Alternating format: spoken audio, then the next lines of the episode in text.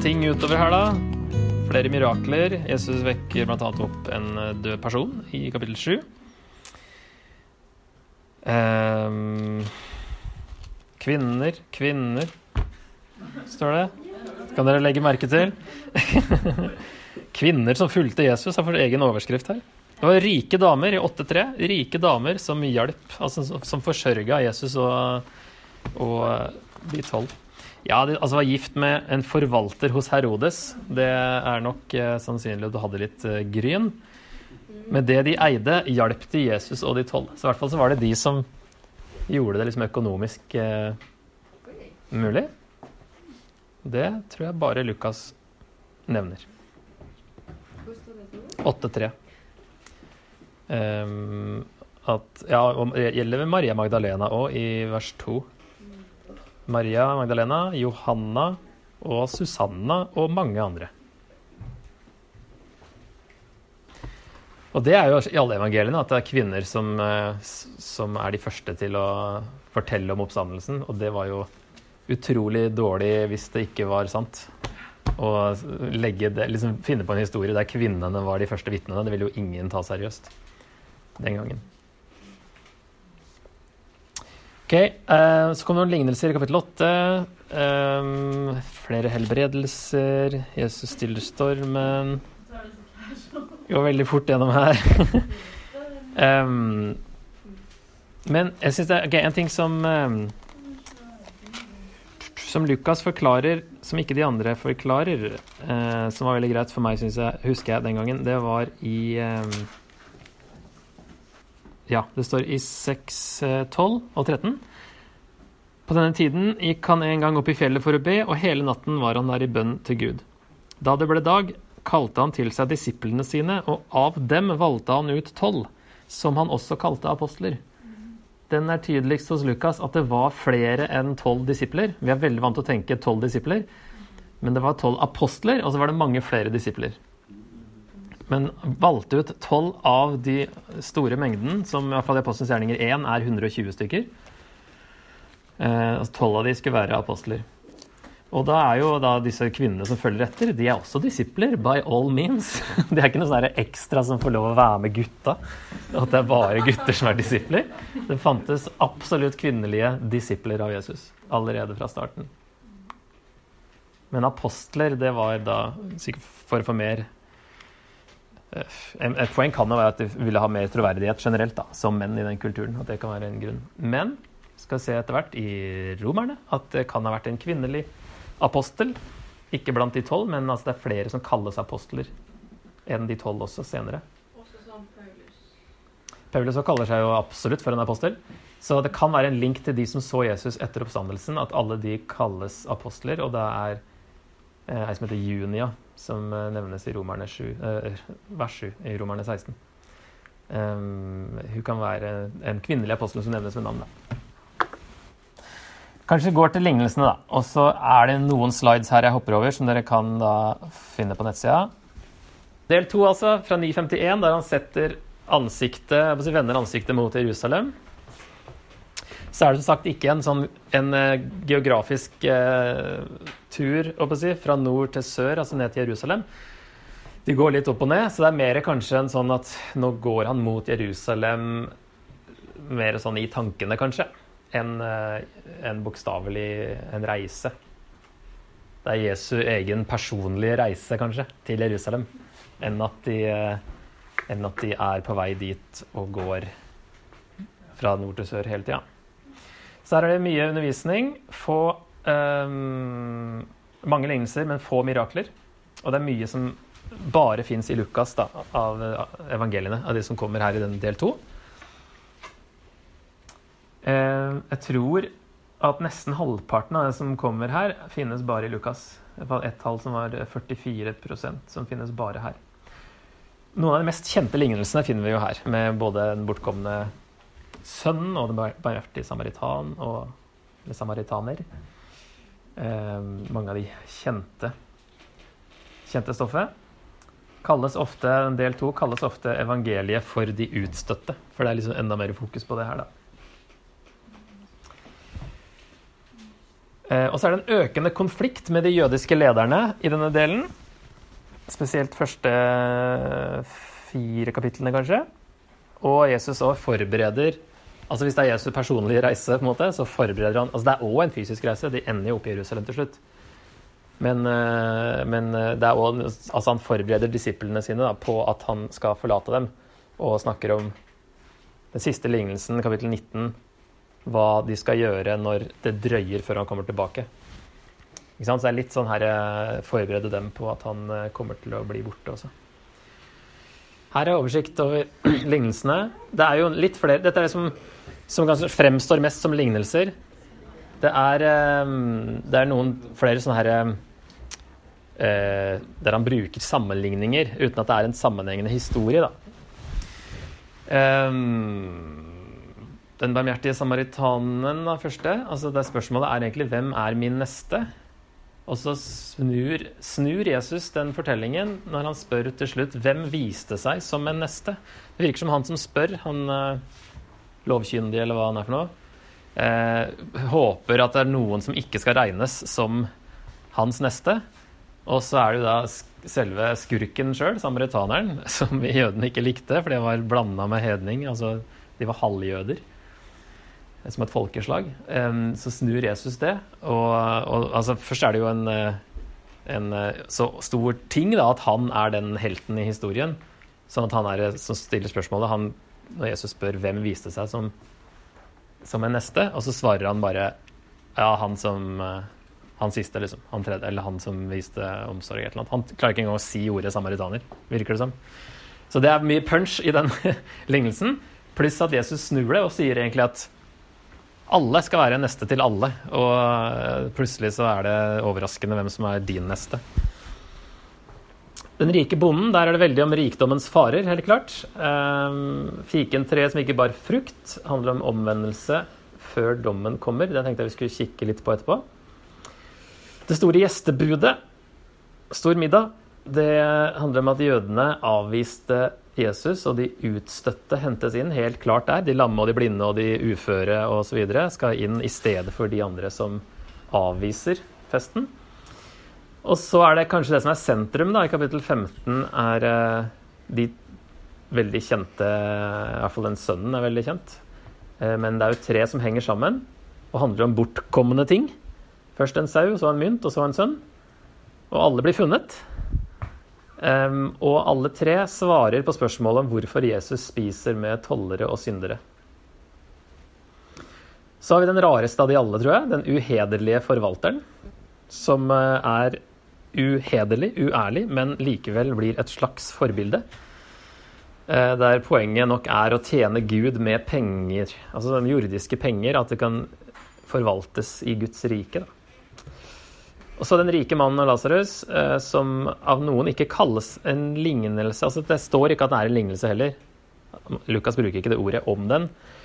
Um, poenget er i hvert fall rikdommens farer. ikke sant? Han rike mannen, han er rik, og så snus det opp ned. Um, evangeliet for de fattige, der har vi de to temaene. Og det handler ikke om Jesus Poenget er ikke å snakke om hva som skjer etter døden, dette var nok, virker som å være kjent, eh, et kjent scenario. da. Så Jesus eh, virker ikke som han finner på denne historien her helt sjøl. Pluss at han bruker ordet Hades i teksten, altså det greske dødsriket. Så det virker som det er en, sånn der, en fortelling da, om der han faktisk kan bruke dødsriket, det greske ordet for dødsriket, i stedet for uh, Han snakker ikke om helvete, f.eks., som uh, King James tror jeg har ordet helvete der, men det står ikke i greske. Ja, Eh, Enken og dommeren. Interessant sammenligning av han dommeren, som ikke er sånn veldig positiv figur. Som eh, likevel gir etter og hører på hun derre enka, som bare maser og maser og maser. og maser. Så sier Jesus at hvis han gadd å til slutt gi enka hennes rett, hvor mye mer vil ikke Gud da høre på dere? Så det er sånn, uh, Når en så dårlig person vil faktisk svare, så er det Det står jo i starten at han fortalte den lignelsen for at de skulle be og aldri gi opp. Be, be, be, be, be. Ikke mist motet.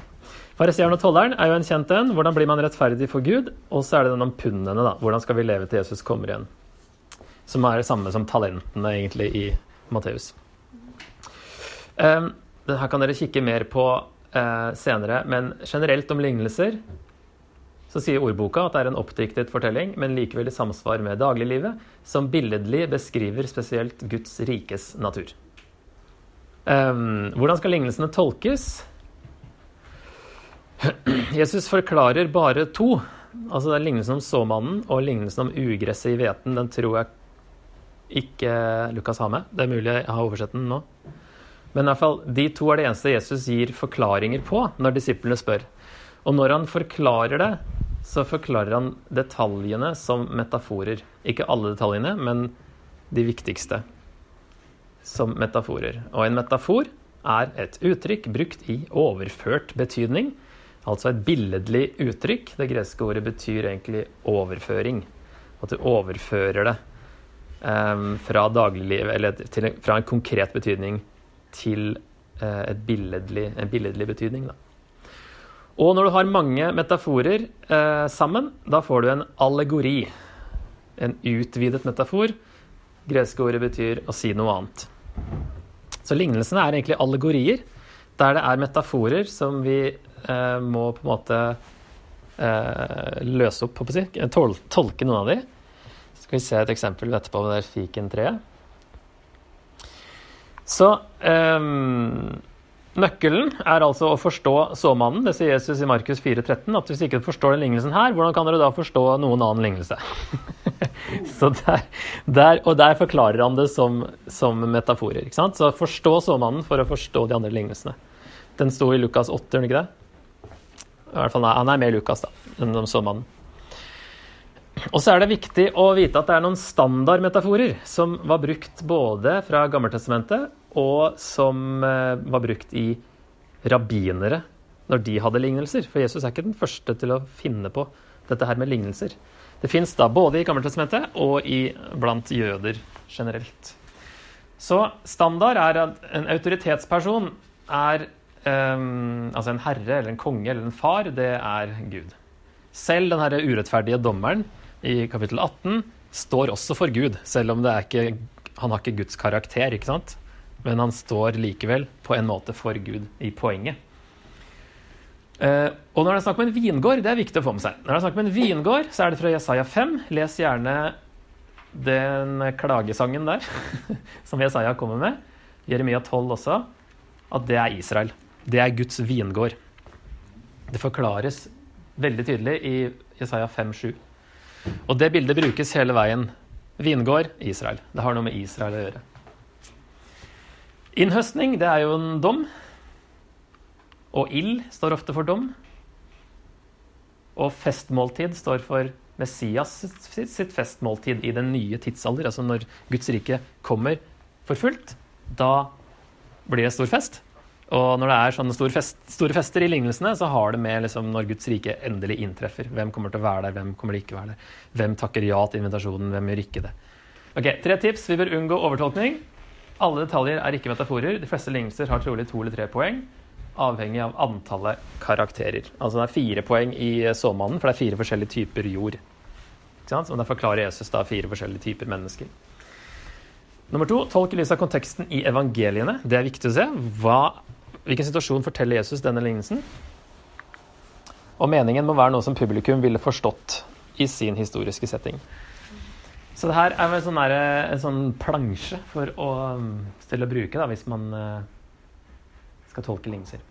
Kan vi kjøre ganske kjapt gjennom denne fikentreet som eh, ikke bar frukt? Altså, Hva er konteksten? er første spørsmål, egentlig. Og da er det egentlig snakk om, hvis vi ser i versene før, så er det snakk om omvendelse.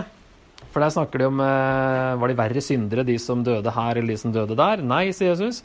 Slett ikke. Jeg sier dere, dersom dere ikke vender om, skal dere alle omkomme slik som de. Så han snakker egentlig om dommen, og så forteller han denne lignelsen. Så fortalte han denne lignelsen. Så konteksten er omvendelse. Dette fikentreet, som han er Det kommer ikke noe frukt, men han gartneren, han vil gjerne gjøre enda mer for at det skal gi frukt, og hvis ikke det er frukt neste år, så kan du hogge det ned, sier han til han eh, som eier, eier denne hagen. Da. Og det er en vingård. Kommer straks til det. Men fortelles lignelsen til? Det er jo da noen jøder, det står i vers 1. På den tiden kom det noen og fortalte ham.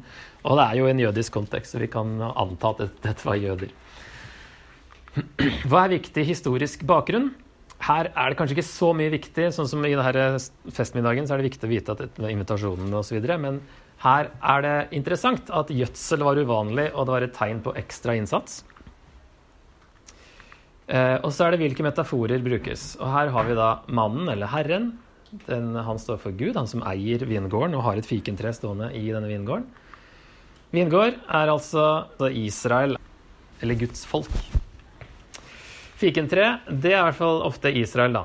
Um, eller ofte er det ikke, et par ganger kanskje. Men det som gir oss et clou, er at lignelsen den her erstatter den forbannelsen av fikentreet i Matteus og Markus som de har med. Lukas er ikke med det, men han har en lignelsen her om et fikentre uten frukt. Som er grunnen til at Jesus også forbanner det fikentreet, fordi de ikke har frukt. Og der i Matteus Markus så står det for tempelet, eller Israel uten frukt. Så her er det liksom både litt eh, vingård og fikentre går litt i hverandre, kanskje, med at det handler om Israel som ikke bærer frukt. Ikke har båret den frukten Jesus forventer. Vingård er, er eh, klart et israelsbilde. Fikentre ikke så klart, men her virker det som at det Altså, Israel blir ofte sammenlignet med en plante, da. en vintre, eller um, her kan det være et fiketre. Men det er ikke så vanlig bilde på Israel. Men i og med at hvis du sammenligner med de andre evangeliene, så kan det være at det står for fruktløse Israel. Der, der, der ser Jesus et finketre uten frukt, og han forbanner det. Og så går han I Markus er det klart, han forbanner det, går inn i tempelet går ut igjen, kommer tilbake neste dag, så er det visna, går inn i tempelet. Altså det er en veldig sånn fram og tilbake mellom fikentre og tempel, og så kommer den talen om at tempelet skal ødelegges. Så det er eh, nok en Altså det er Israel som ikke har båret frukt, det er det som er poenget her, da. Det er ikke alltid altså det kan bli liksom litt for detaljert hvis vi skal eh, liksom analysere alle detaljene. Her ser du at det glir litt over i hverandre, vingård og, og fikentre.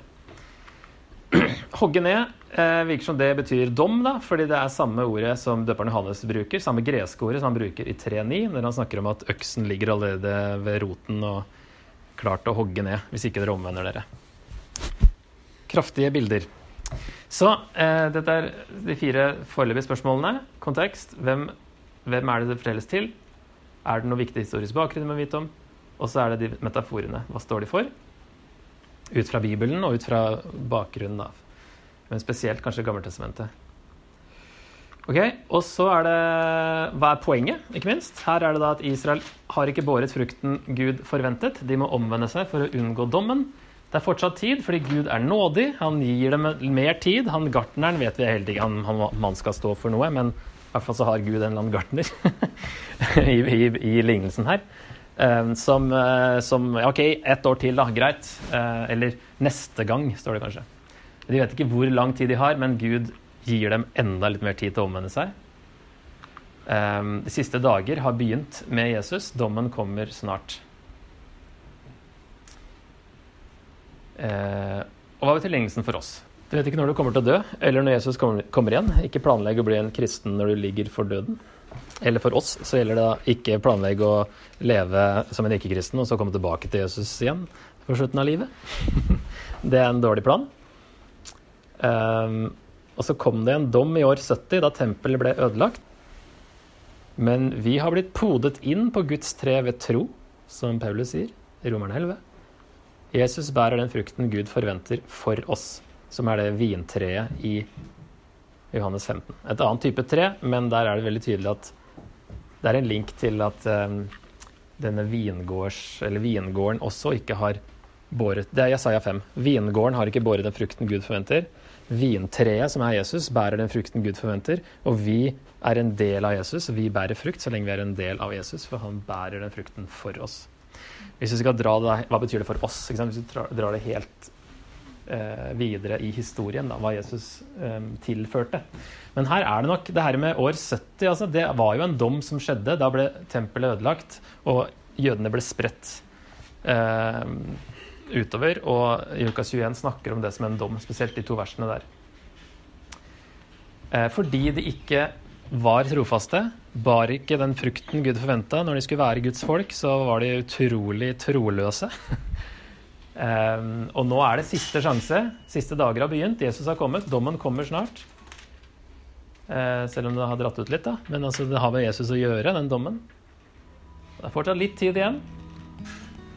Uh, men det er viktig å, å omvende seg. Ja. Er da denne fiken tre.